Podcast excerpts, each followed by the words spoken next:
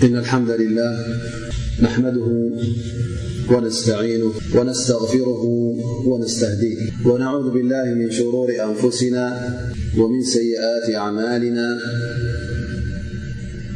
من يهده الله فلا مضل له ومن يظلل فلا هادي له وأشهد أن لا إله إلا الله وحده لا شريك له وأشهد أن محمدا عبده ورسوله فصلاة ربي وتسليماته عليه وعلى آله وصحبه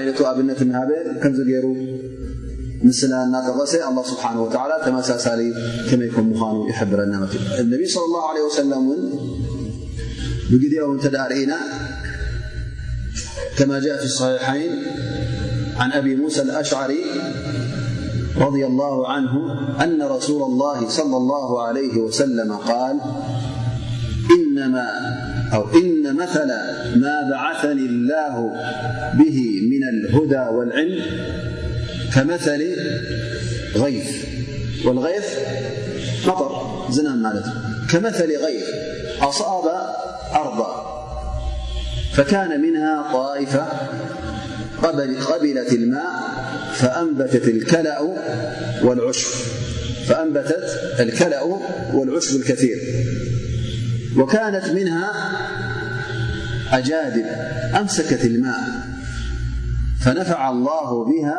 الناس فشربوا ورعوا وسقوا وزرعوا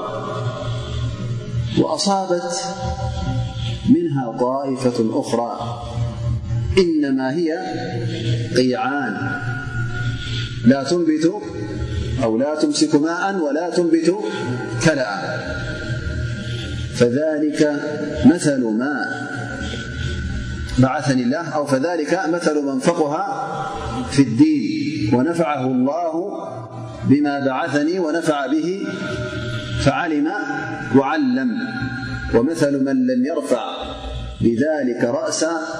ولم يقبل هدى الله الذي أرسلت بهفالى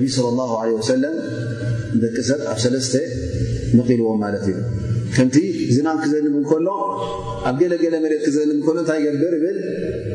እዚ መሬት እዚ ነዚ ዝናም እዚ ነዚ ማይ እዚ ይቕበሎ ይሰቲ ምሰተ እንታይ ይኸውን የፍሪ ይጥጥዕ በብዓይነቱ ፍርያት የብቁል ማለት እዩ እቲ መሬት ድማ ልምሉም ኮይኑ ማይ ይመልእ ሃሂ ጣኢፈ ገሊኡ ድማ እንታይ ይኸውን ማለት እዩ እቲ መሬት ጽቡቕ ኣይሰትን ግን ማይ ይእክብ ከም ሓጽቢ ኸውን ማለት እዩ ካብዚ ማይ እዚ ሕጂ ሰብ እመጽእ ይቐድሕ ይሰቲ እንስሳ ሰትያ ንዘራእቲ ይጥቀምሉ ንኻልእ ዓይነት እውን ይጥቀምሉ ማለት እዩ ሳልሳይ ዝናም ዘብመሉ ቦታታት እውን ኣኻውሕ ይኸውን ቆላቁል ኣኻውሕ ማይ እንተ ወቂዑ ማይ ኣይቅበል ማይ ኣይዓቁር ዝበቁል ነገር ውን ርእሱ ውሰት ውን ቲ መሬት ውን ከይተጠቐመ እቲ መሬት ከይለስለሰ ከይለምለመ እንከሎ ገለ ከየፍረየ እቲ ማይ ፈሲሱ ይኸይድ ማለት እዩ ልክዕ ደቂ ሰብ ውን ይብል ነቢ ለ ላ ለ ሰለም ይብሉ ልክዕ ከምዚኦም ገለ ሰባት እቲ ኣነ ሕዚ ዝመፃእኩ ትምህርትን ዕልምን ፍልጠትን ሓበሬታን ይሰምዑ ይቕበሉ የጽንዑ ተዓሊሞም ድማ ነብሶም ይኾኑ ነብሶም ኮይኖም ድማ ንኻልኦት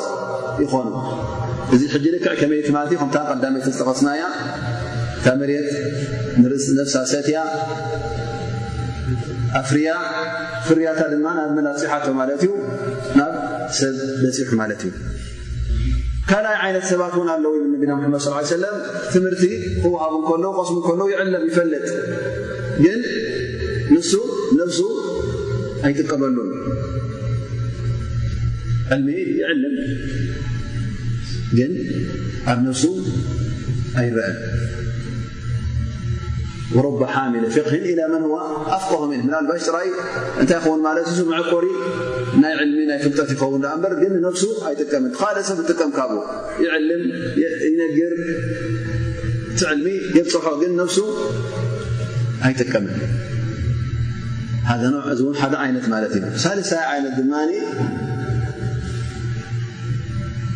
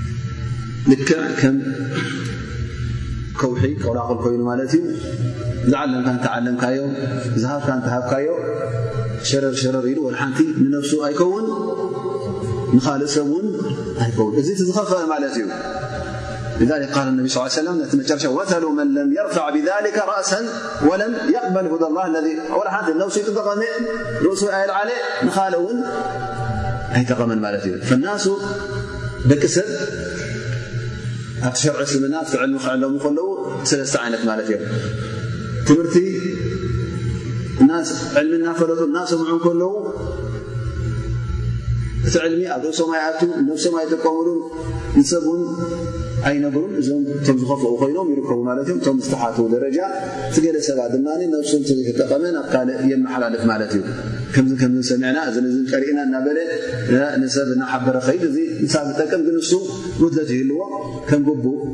ኣይ ይምሃር ንኸውን ወይ ከዓ ከም ግቡእ ነቲ ተምሃሮ ኣብ ግብሪ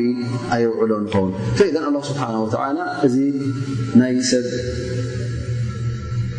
ባህሪ ከምዚ ከም ምዃኑ እ ከምቲ ምስላ ከምቲ ኣ ስብሓን ወላ ኣብቲ ኣያ ዝጠቐሶ ነቢና ሓመድ ስ ሰለ እውን ኣብዚ ሓዲስ እዚኣ እውን ተቂሶሞ ማለት እዩ እቲ ዝበለጸ ሕጂ ኣይ ናይቲ ቀዳማይ ስለ ዝኾነ ንሕና ንዕኡ ክነተግብር ኣለና ማለት እዩ ኣ ነቢ صለ ላه ለ ሰለም እዚ ኣብነት እዚ ክቡና ከለዉ ስለምንታይ እዩ ዝያዳ እቲ ጉዳይ ክበርሃልና ጠቒምና ነብስና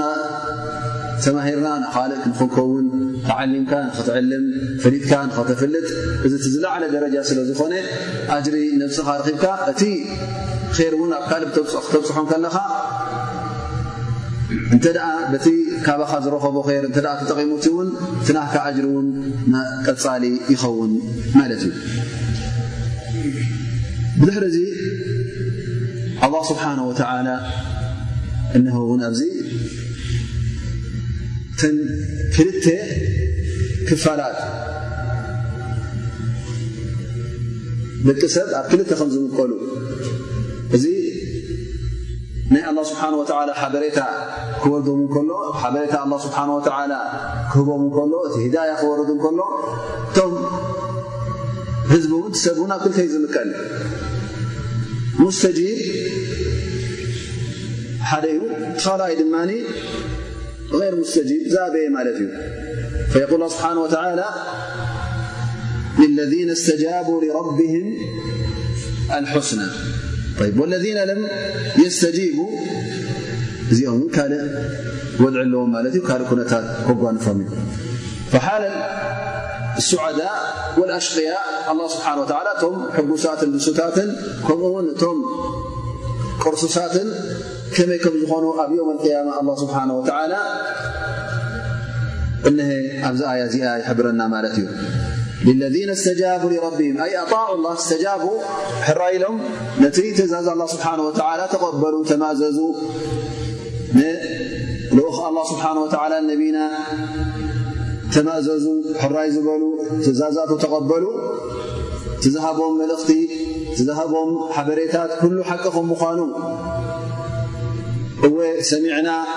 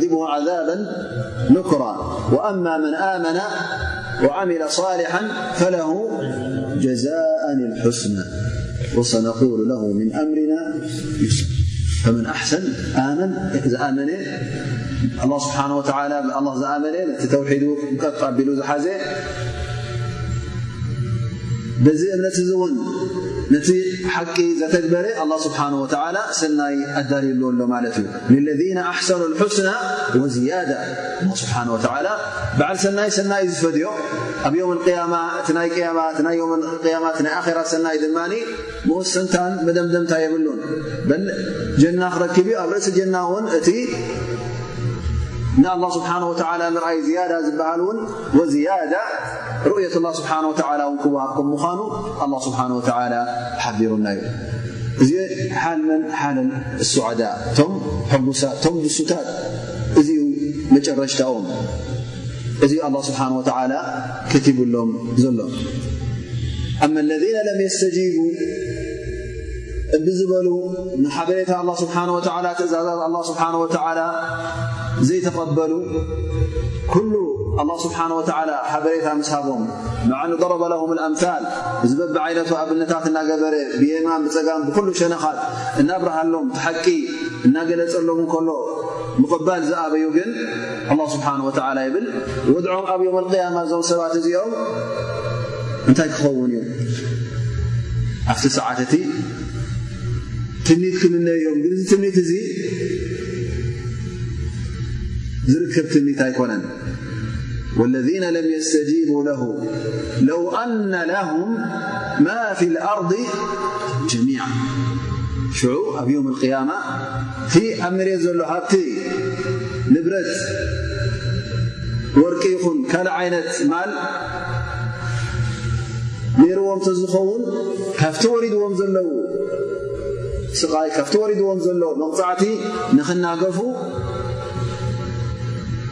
በዚ ኩሉ ናይ ዱንያ ማል ንኽፈድዎ ክምነዩ እዮም ለው ኣነ ለሁም ማ ፊ ኣርض ጀሚع ሃذ እምኒያ ትምኒት ኣ እምበር ክረኽብዎ ኣይኮኑን እዚ ትምኒት እዚ እውን ሓቀኛ ትምኒት ኣይኮነን ግን እቲ ጉዳይ ምስ ረኣይዎ እቲ ጉዳይ ምስ ረኣይዎ መቕፃዕቲ ስቓያ ቅድሚ ዓይኖም ምስ ረኣይዎ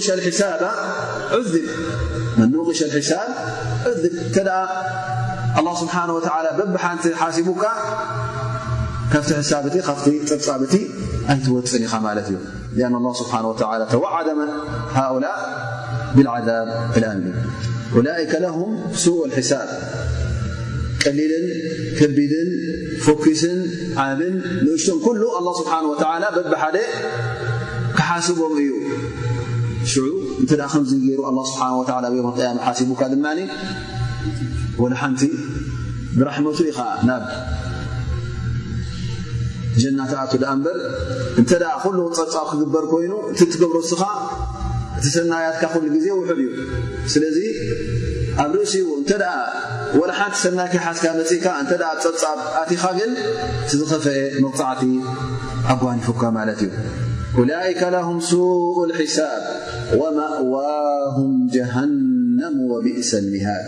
እዞም ሰባት እዚኦም እውን እቲ ስፍራ መንበሪኦም እውን እንታይ ክኸውን እዩ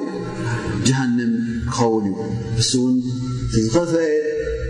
መንበርን እቲ ዝኸፍአ መደቀስን እዩ ወመእዋሁም ጀሃነም ንሳተ ጀሃነም ንሳያ መንበሪቶም ንሳያ ከዓ ቦታኦምን ሃገሮምን ካብኣ ፈልከት ኢሎም ውን ኣይክወጹን እዮም። ወሆ ቢእሰል ሚሃድ እቲ ዝበኣሰን እቲ ዝኸፈኣን መንበሪ ድማ እሳተ ጀሃነም እዩ ካብኡ ዝኸፍእ የለን ምክንያቱ ብጀካ ስቅያትን ብጀካ መቕጻዕትን ብጀካ ኣውያትን ካልእ ስለ ዘይብሉ ካብዚ ዝኸፍእ የለን መቕጻዕቲ እውን ትእሳት እውን ከም እሳት ኣዱንያ ኣይኮነን መቕጻዕቲ እውን ከም መቕጻዕቲ ኣዱንያ ኣይኮነን እንታይ ደኣ እቲ ዝዓበየን ዝኸፈአን መቕጻዕቲ ስለ ዝኾነ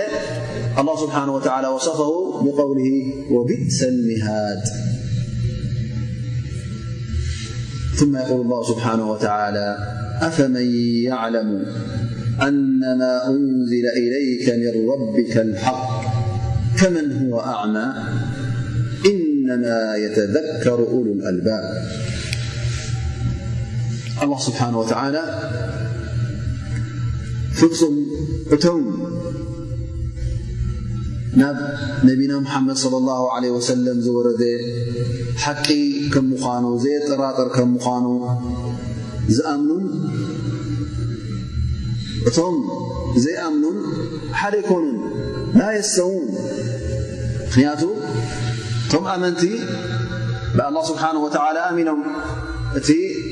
ናብ ነቢና ሙሓመድ ሰለላሁ ዓለይሂ ወሰለም ዝወረደ እውን ሓቂ ከም ምዃኑ ዘየጠራጥር ከም ምዃኑ ፍልልያት ዝገራጮ ነገር ከም ዘይብሉ ኩሉ እውን ሓቂ ኮይኑ ጠቓምን ከዋንን ከም ምዃኑ ኣሚኖም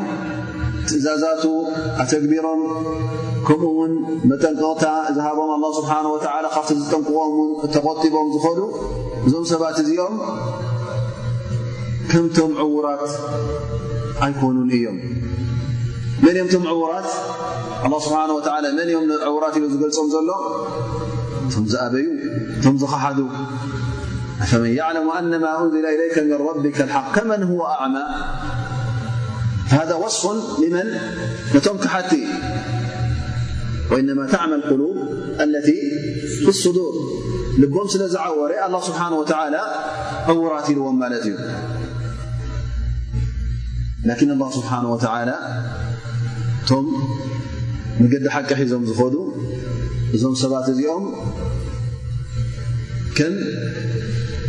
መገዶም ዝበርሃሎም ኣብ ብርሃን ኩሉ ግዜ ከም ዝጓዓዙ ገይሩ ሓቢርዎም ማለት እዩ ዓይኖም ክፉት ልቦም ክፉት ፈላ የስተውን ሓደ ክኾኑን እዚኦም ከማ ቃል ላ ስብሓን ወተላ ላ የስተዊ ኣስሓብ ናሪ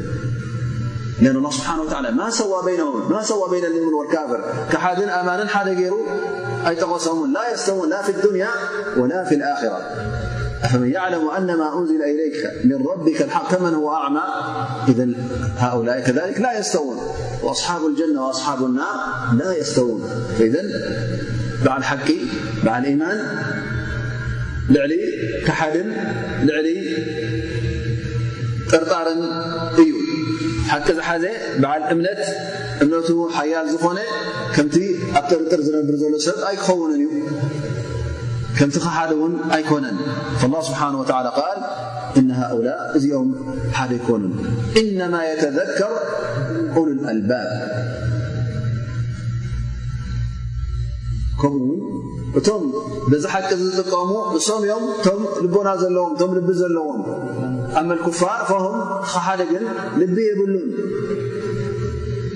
ዓሻ ማለት እዩ ነፍሱ ስለ ዘይጠቐመ ንዕኡ ዝኸውን ከዋኒኡ ገዲፉ ናብ ካልእ ስለ ዘድሃበ ኣላ ስብሓን ወተዓላ ካብቶም ኡሉልኣልባብ ኣውፅዎ ማለት እዩ እነማ የተዘከሩ ኡሉልኣልባብ በዓል ኢማን እሱይ በዓል ልቢ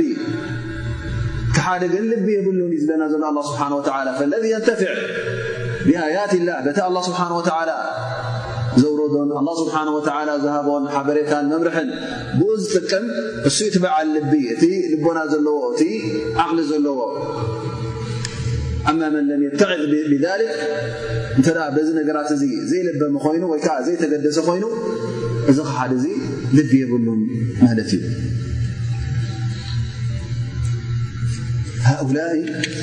ኡሉል ኣልባብ እሞ መን እዮም እዞም ኡሉል ኣልባብ ኣላ ስብሓን ወተላ የዝክሩ ስፋቶም እዞም ተዘኪሮም እዞም መገዲ ሓቂ ሒዞም ዝኸዱ ዘለዉ እቲ ሓበሬታ ናይ ኣላ ስብሓን ወተላ ተጠቒሞምሉ ዝኸዱ ዘለዉ መን እዮም እዞም ኣላ ስብሓን ወተላ እነሀ ዝጠቕሶም ዘሎ ማለት እዩ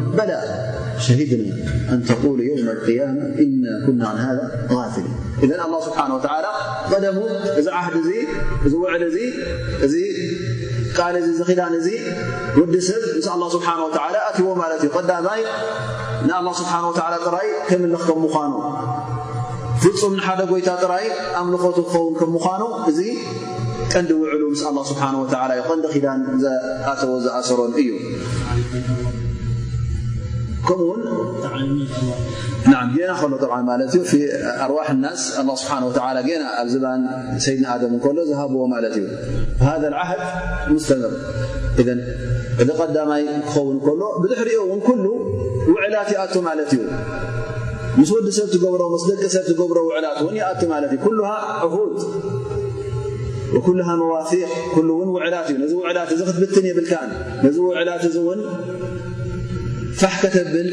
የብልካን እተ ፋሕ ተበል ኣለካ ኮይንካ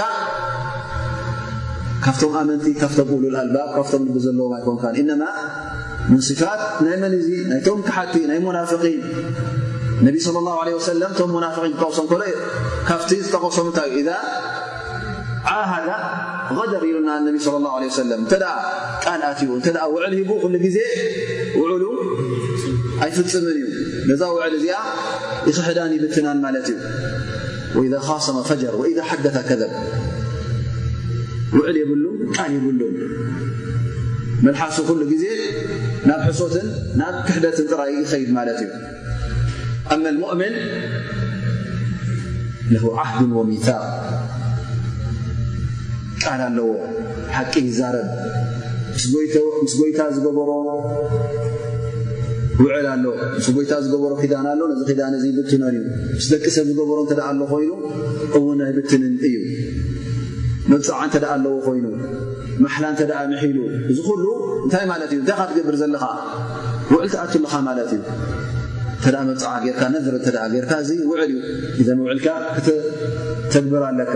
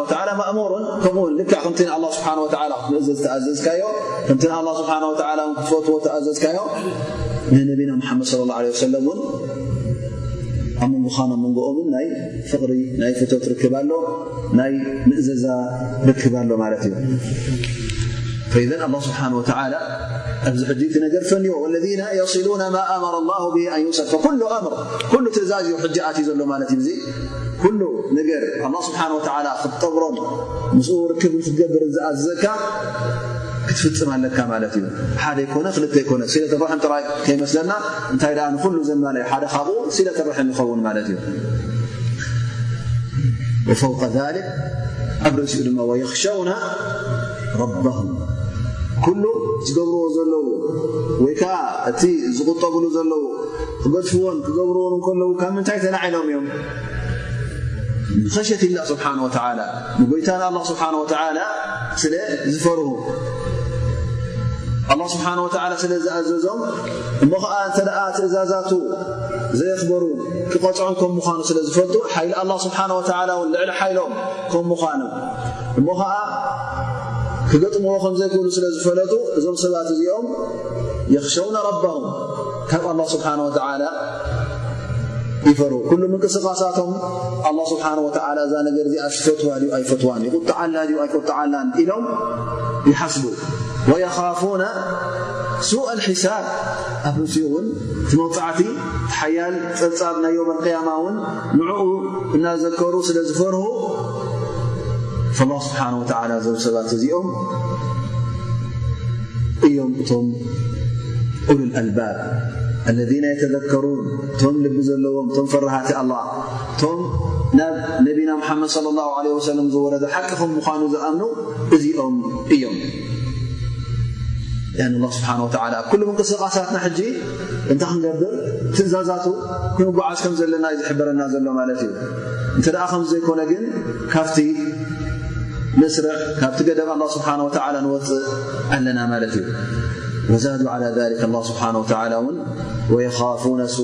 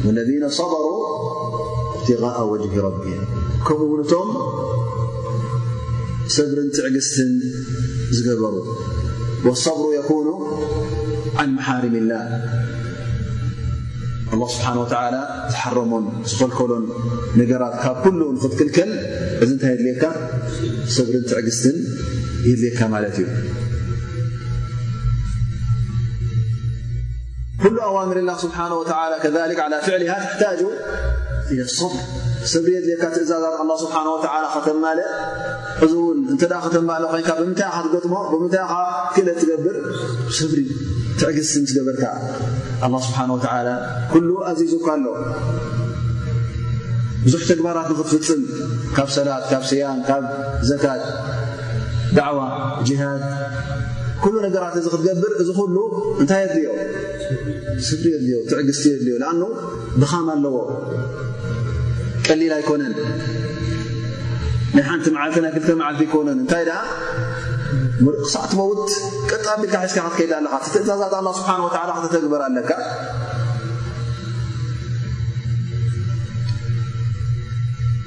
ካብቲ ዝኸልከለካ እውን ትቁጠብ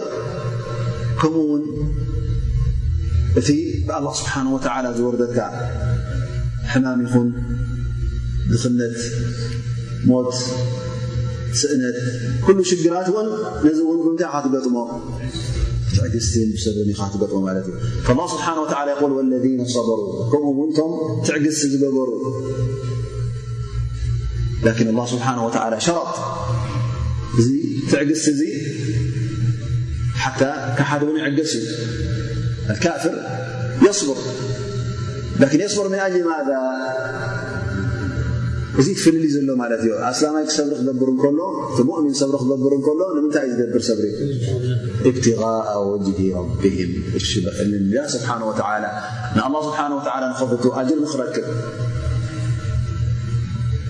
ምናልባሽ ሓደ ንኸይፅረፍ ኢሉ ከይፅረፍ ምእንቲ ሰብሪ ገብር ሃዳሚ ንኸይበሃል ከላስ ኣተያ ኣተያ እዚኣ ጉዳይ እዚኣ ሃዳሚ ንኸይብልዎ ሰብ ከይብለኒ ኢሉ ሰብሪ ገብር ወይ እውን ንኸምስገን እምባእ ክንደይ ነፍዕ ኢኹ ንክበሃል ኣንታ ክንደይ ዓይነት ትዕግስቲ ኣለዎ እዚ ሰብኣይ እዚ እዚ ሰብ እዚ ንክበሃል ፈሆ ኢማ ተጀሙለን የተዘየን ኣው የኻፎ ምን ኣልዐይብ ወይ ምፅራፍ ፍሪሁ ወይ ከዓ ክመላኻዕ ክፀባበቕ ማለት እዩ ናይ ኣዱንያ ነገር ወይ እውን ማል ደልዩ ሽመት ደልዩ እዞም እቶም ክሓቲ ናብ ሽመት ናብ መሪሕነት ዝበፅሑ ዘለዉ ይኹዋና ኮፍ ኢላ ድያ ትጸንሖም እታ ነገር ደኹም እዮም ላዝም ሰብ ክገብሩ ይቃለሱ ይዋቕዑ ይቃተሉ ገንዘብ የጥፍኡ ሰብ የጥፍኡ ነብሶም ኣብ ሕማቕ የብፅዋ ሰብሪ ገይሩ ይበፅሕ ማለት እዩ ላኪን ምን ኣጅሊ ማዛ ሃደ ፈረቅ ስለምንታይ በፂሕዋ ንዓ ንክረክብ ነታ ሽመት ንክረክብ ኣላ ስብሓን ወተላ በታ ዝረኸባ ንዓ ናይ ኣዱንያ ይረክብ ማለት እቲ ክሓዲ ላኪን እቶም ኣመንቲ ሰብሪ ክገብሩ ከለዉ ኣብ ሜዳ ቓልሲ ኣብ ናይ መዳይ ናይ ዒባዳ ኣብ መዳይ ናይ ዓመል ኣሳልሕ ኩሉ ነገር ሰብሪ ክገብር እንከሎ ኣብ መዳይ ናይ ዳዕዋ ሰብሪ ክገብር እንከሎ ሰብ ይፀርፎ ሰብ የሸግሮ ዕንቅፋት ይኾኖ እንታይ የድልዮ ትዕግስቲ ላኪን ምን ኣጅሊ ማዳ እቲኻኣ ወጅህላ ሊላህ ስብሓን ወተዓላ ኢሉ ንረቢ ፈሪሁ እዘን እቲ ኣጅሪ ንክትረክብን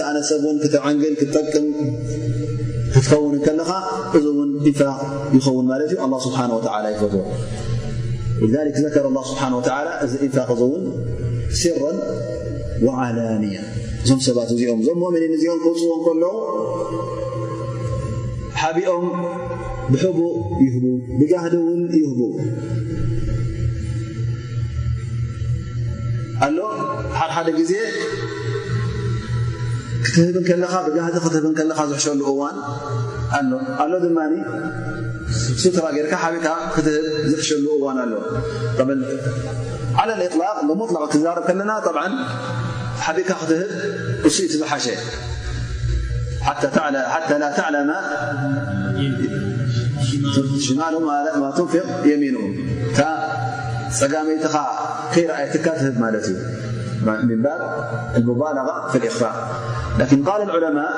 እንተ ንኣብነት እቲ ነፈቓ ክህብ እንከሎ እንተ ንካልኦት ተሽጅዕ ክኸውን ሱኑ ሓሰና ክኸውን እተ ኮይኑ ወይ እንተ ጠፊኡ ነይሩ እዚ ነገር እዚ እሞ እሱ እተ ጀሚሩ ንሰብ ኣርእዎ ሰብ ነዚ ነገር እዚ ንኸዘውትር ወይ ከዓ ንክኽተሎ እተ ዕድል ኣሎ ኮይኑ ተስፋ ኣሎ እተ ኮይኑ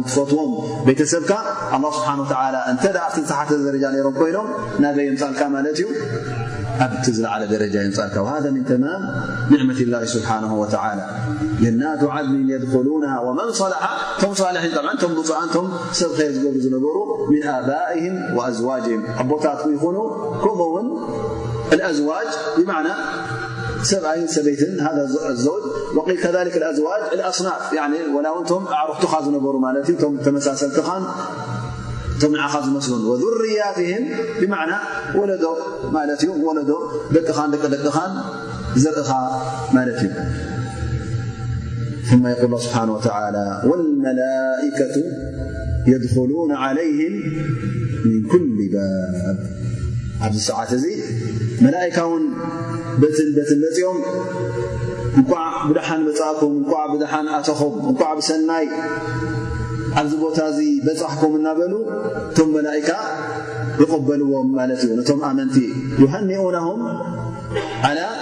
ድኹልህም ልጀና ኣብዚ ንዕማ እዚ ኣብዚ ሽሻይ እዚ ብምብፃዕኩም ብምእታውኩም እናበሉ እቶም መላእካ ባዕሎም ንደቂ ሰብ ዩሃን ኣብልዎም ማለት እዩ ወዩሰልሙን ዓለይህም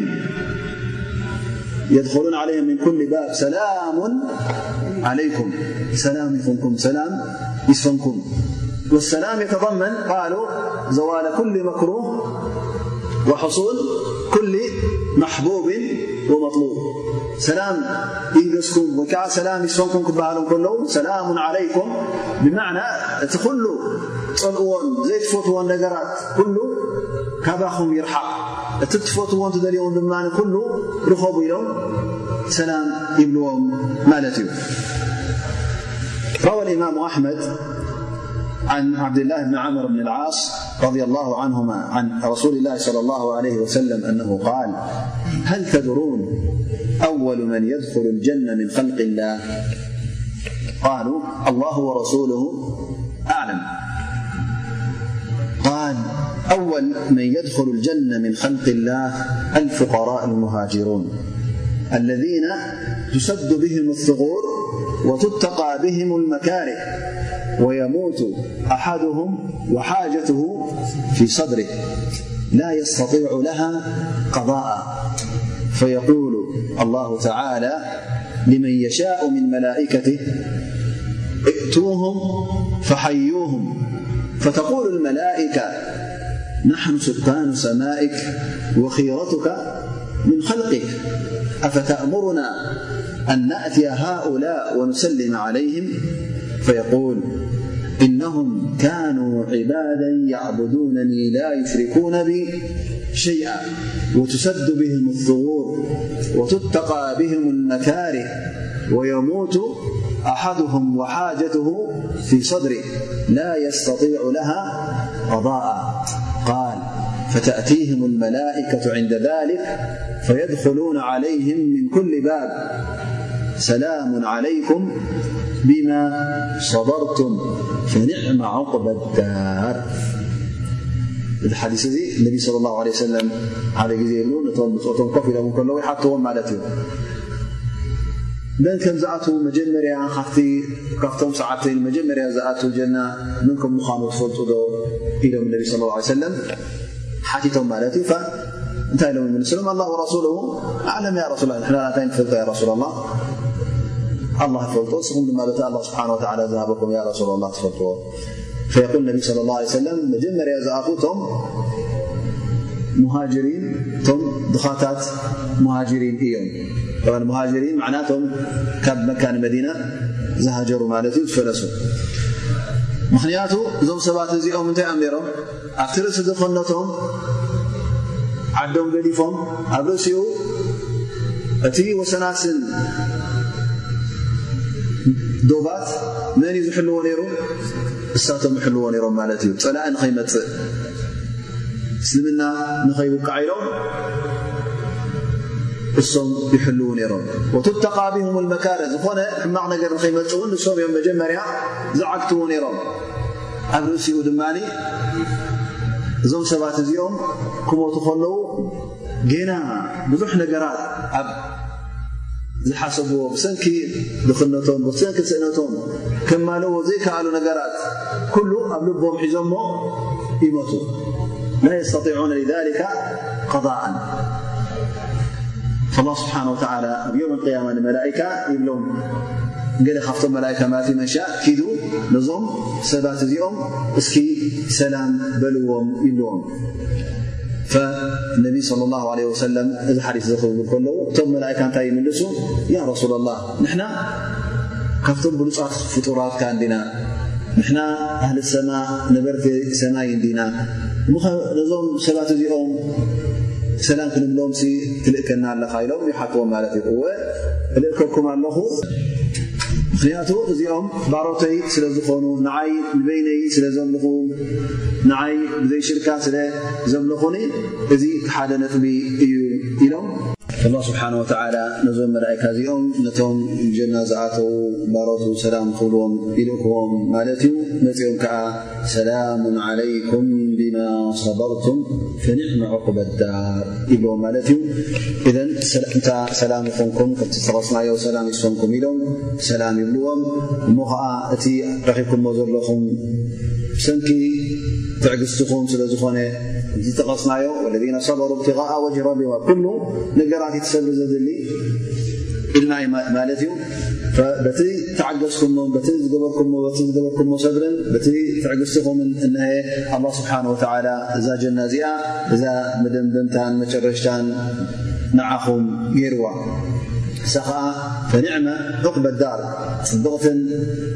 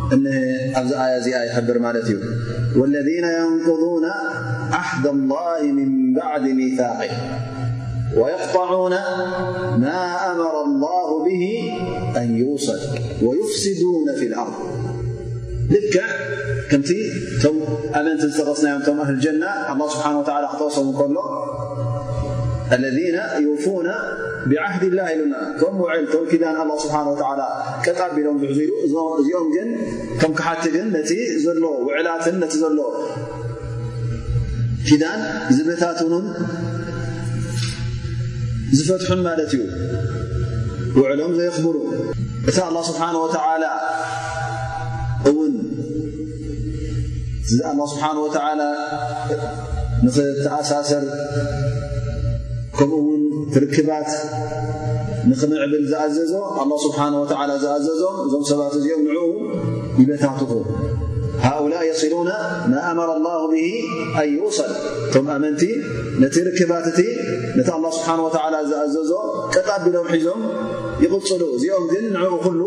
ይበታትኹ ማለት እዩ ወዩፍሲዱና ፊ ልኣርድ ብልሽውና እውን ኣብ መሬት ኩላ ይነዝሑ ብልሽውና እውን ይነዝሑ እዚኦም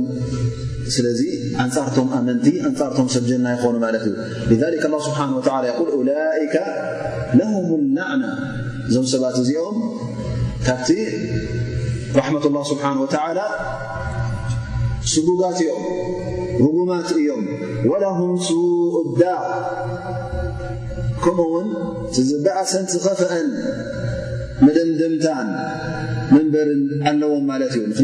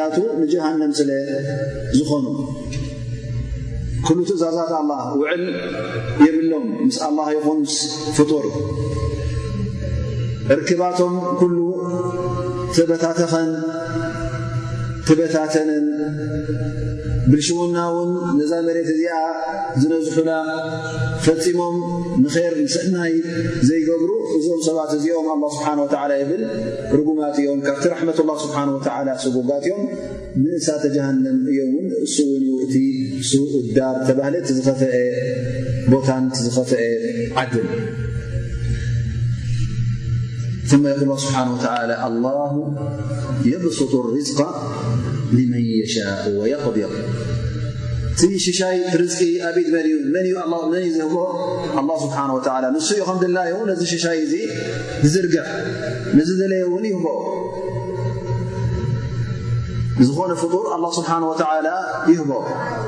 ግን እዞም ሰባት እዚኦም እቲ ርዝቂ ክመፅእ እንከሎ እቶም ክሓቲ እንታይ እዮም ዝርእዎ እቲ ረኣያ ናቶም ካልእ ዓይነት ኣረኣያ እዩ ሊኣነም የፍራሑና ብልሓያት ኣዱንያ በቲ በዱንያ ዝረኽብዎ ዘለዉ ሽሻይ ኩሉ ዝረኸቡ መሲልዎም ይሕጎሱሉ እቲ ናይ ኣኼራ እውን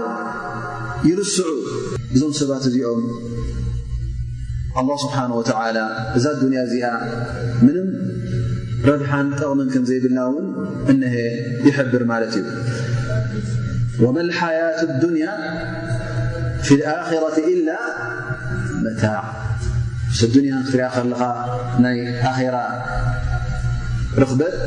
ولنت لنلذلك الله سبحانه وتعالى يقول أيحسبون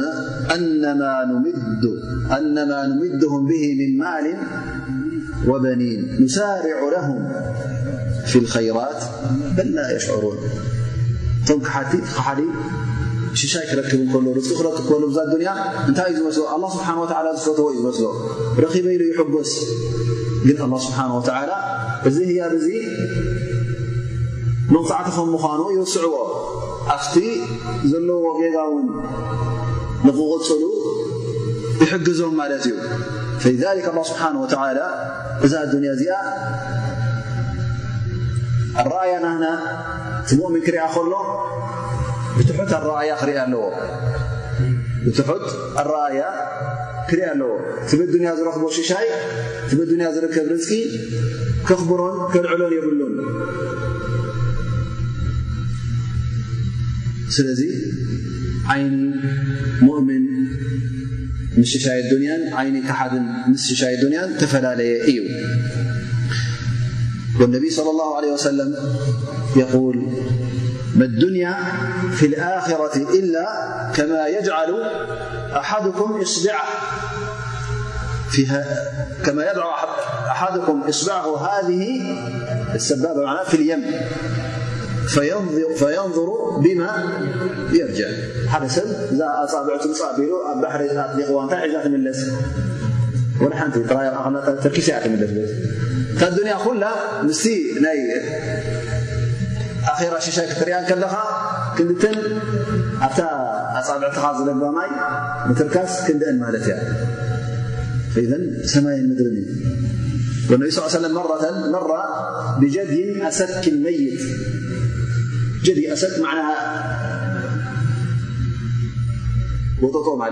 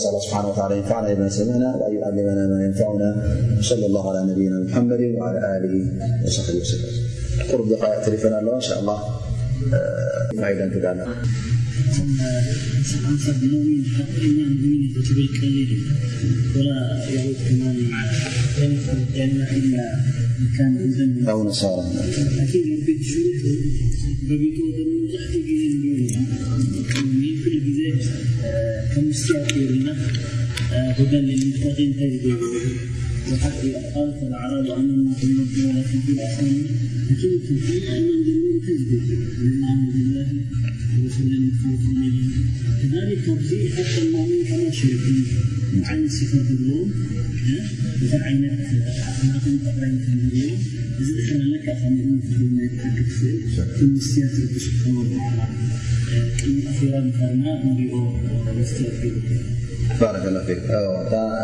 ነጥቢ ዝብላ ዘሎ ኣነ ሙእሚን እየ ኣነ በዓል ሓቂ እየ ክትብል ቀሊል እዩ ብመልሓስካ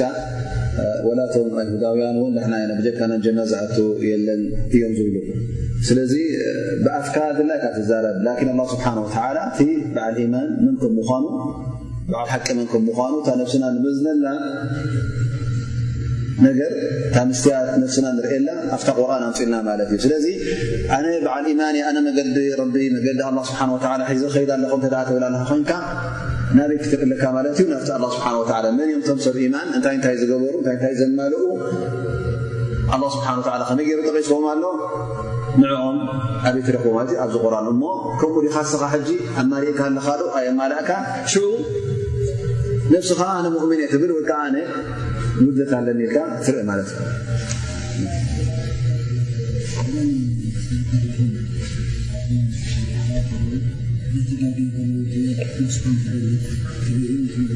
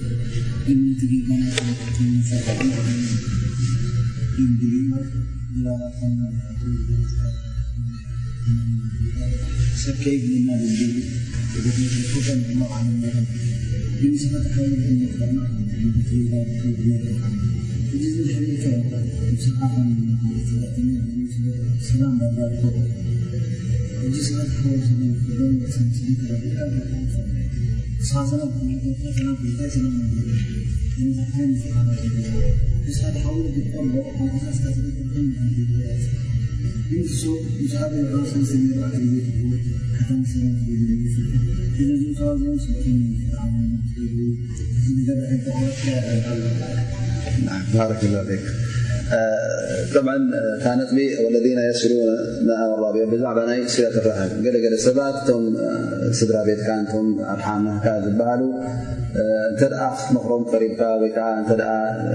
ገለ ነገራት መኺርካዮም ይፀልኡኻ እሞ ንዓኻ እቲ ዘሎ ናይ ሲለት ራሕም ክቆርፅዎ ይጀምሩ ማለት እዩ እስኻ ክትቀርቦም ተደሊኻ ሽዑ ላት ብሰንኪቲ ምኽርናትካ ብሰንኪቲ ር ዝሓሰብካሎም ንዓኻ ይጸልኡኻ ማለት እዩ። እሞ እዞም ሰባት እዚኦም እንታይ ትገብሮም? ክሳድያ ትሓጥእ ጠብዓ እስኻ ከምቲ ግቡእ እቲ ግቡእ ክትገብር ኣለካ ማለት እዩ። ንስለት ራሕም ቶም ስድራ ቤትካን ትናቶም እቲ ሲላ ዝበሃል እንተ ክርከብ ኮይኑ ቀዳማይ ነገር እቲ ምክሪ ክትቦም ከለኻ ንገዛእ ርእሱ እዚ ር ደሊኻሎም ስለ ዝኾንካ እዚ ሓደ ካብቲ ስለት ራሕም ይበሃል ማለት እዩ። ጽቡቅ ጌርካ ትመክሮም ማለት እዩ። ብዝያዳ ኣብቲ ናይ ጉዳይ ናይ ዲኖም ክኸውን ከሎ እ ገለ ሕፅረት ኣለዎም ጌጋታት ኣለዎም ኮይኑ ክተብርሃሎም ክሕብሮም ክትምክሮም እዚ ኣድላ እዩ እተ ስቑልካ ርኢኻዮም እናተጋገዩ ከለዉ እናጠፍ ከለዉ እ ስቑልካ ትሪኦም ኣለካ ግን ምእንቲ እቲ ሰላምን መዓድኩም ሓበርኩም ንኸይጠፍእ ብዝያዳ ተኻይኖም ኣለኻ ማለት እዩ ስለ ትርሐን ኣይገበርካን እን ተቐንዲ ሃድያ ትቦም ንኦም ማላውን ናይ ፍሽኽታን ናይ ሰላም ጥራይ ኣይኮነ እንታይ ንኸይሪ ክትሕብሮም ከለኻ ንመገዲ ሓቂ ክትስሕቦም ከለኻ እዚ እቲ ቐንዲ እዩ ስለዚ እስኻ እቲ ዝግባእካ ጌርካ ማለት እዩ ብድሕሪኡ እውን ንሶም እተ ወላ እውን ክቆርፁኻን ካብ ሃዋራኹ እተ ፈቲኖም እስኻ እቲ ዋጅብ ክትገድፍ የብልካን ማለት እዩ ብዝከኣለካ መጠን ብዝኾነ ይኹን መገዲ ጠብዓ ኣብ ባእሲ ዘየብፅሕ ብዝያዳ ኣብ ፅልኢ ዘየብፅሕ እናገበርካ እናተጠቐምካ እንሻ ላ ብዝከኣለካ መጠን ትቃለስ ማለት እዩ ላኪን ኣላ ስብሓን ወተላ እውን ላ ይከልፉ ነፍሰ ሌላ ውፅዓ ካብ ዓቐንካ ንላዕለ እውን ኣይትጠለብን ንስኻቲ ዝከኣለካ ትገብር እሶም እንተ ኮይኖም ባዕሎም ዝቆርፁን ዝረሕቁን ዘለዉ እዚ ትዘንቢ ናብኡ ምኸውን ማለት እዩ እስኻ ዝከኣለካ ጌርካ ዝከኣለካ ትገብር ክሳዕ እቲ ነገር ዝተዓራረን ዝምዕረን ማለት እዩ እንሻ ላ